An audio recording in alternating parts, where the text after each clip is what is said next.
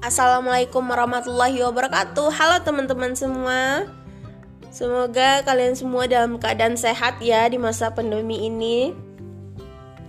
Keluar rumah jangan lupa pakai masker juga ya teman-teman. Selalu jaga jarak dan jangan lupa cuci tangan ya teman-teman.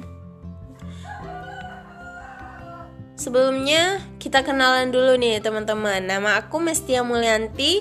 Aku merupakan salah satu mahasiswi dari Universitas Islam Sultan Syarif Kasim Riau. Prodi Peternakan Fakultas Pertanian dan Peternakan dengan NIM 1208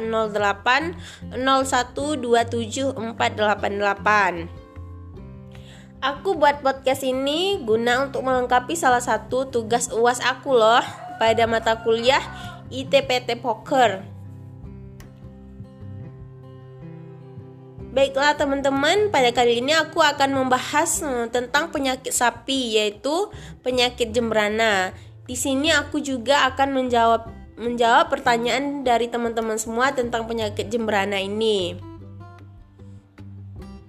Sebelum aku jawabin pertanyaan-pertanyaan dari kalian, aku mau jelasin dulu apa nih penyakit jembrana. Penyakit jembrana merupakan penyakit viral loh yang bersifat menular pada sapi Bali. Penyakit ini pertama kali ditemukan muncul dan mewabah di Desa Sangkar Agung, Kecamatan Negara, Kabupaten Jembrana, Provinsi Bali. Pada tahun 1964, pada itu penularannya sangat cepat pada sapi Bali. Dilaporkan lebih dari 26.000 ekor sapi Bali mati secara mendadak. Penyakit ini disebabkan oleh virus retrovirus dari anggota grup lentivirus yang unik dan disebut juga Jembrana disease virus GDV.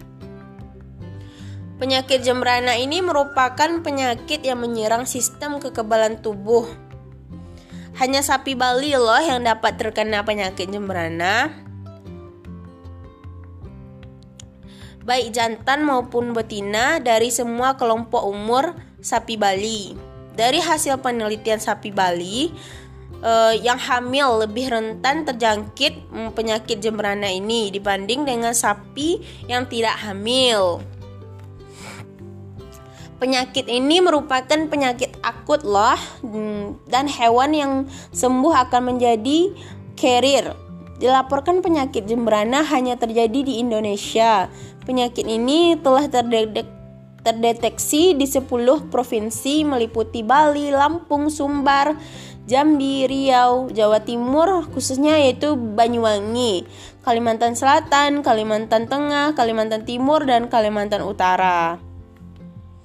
Oke, teman-teman, sekian dulu ya hmm, dari aku tentang penjelasan hmm, penyakit jembrana ini. Uh, semoga kalian selalu sehat, teman-teman. Uh, semoga bermanfaat juga buat kalian semua. Assalamualaikum warahmatullahi wabarakatuh.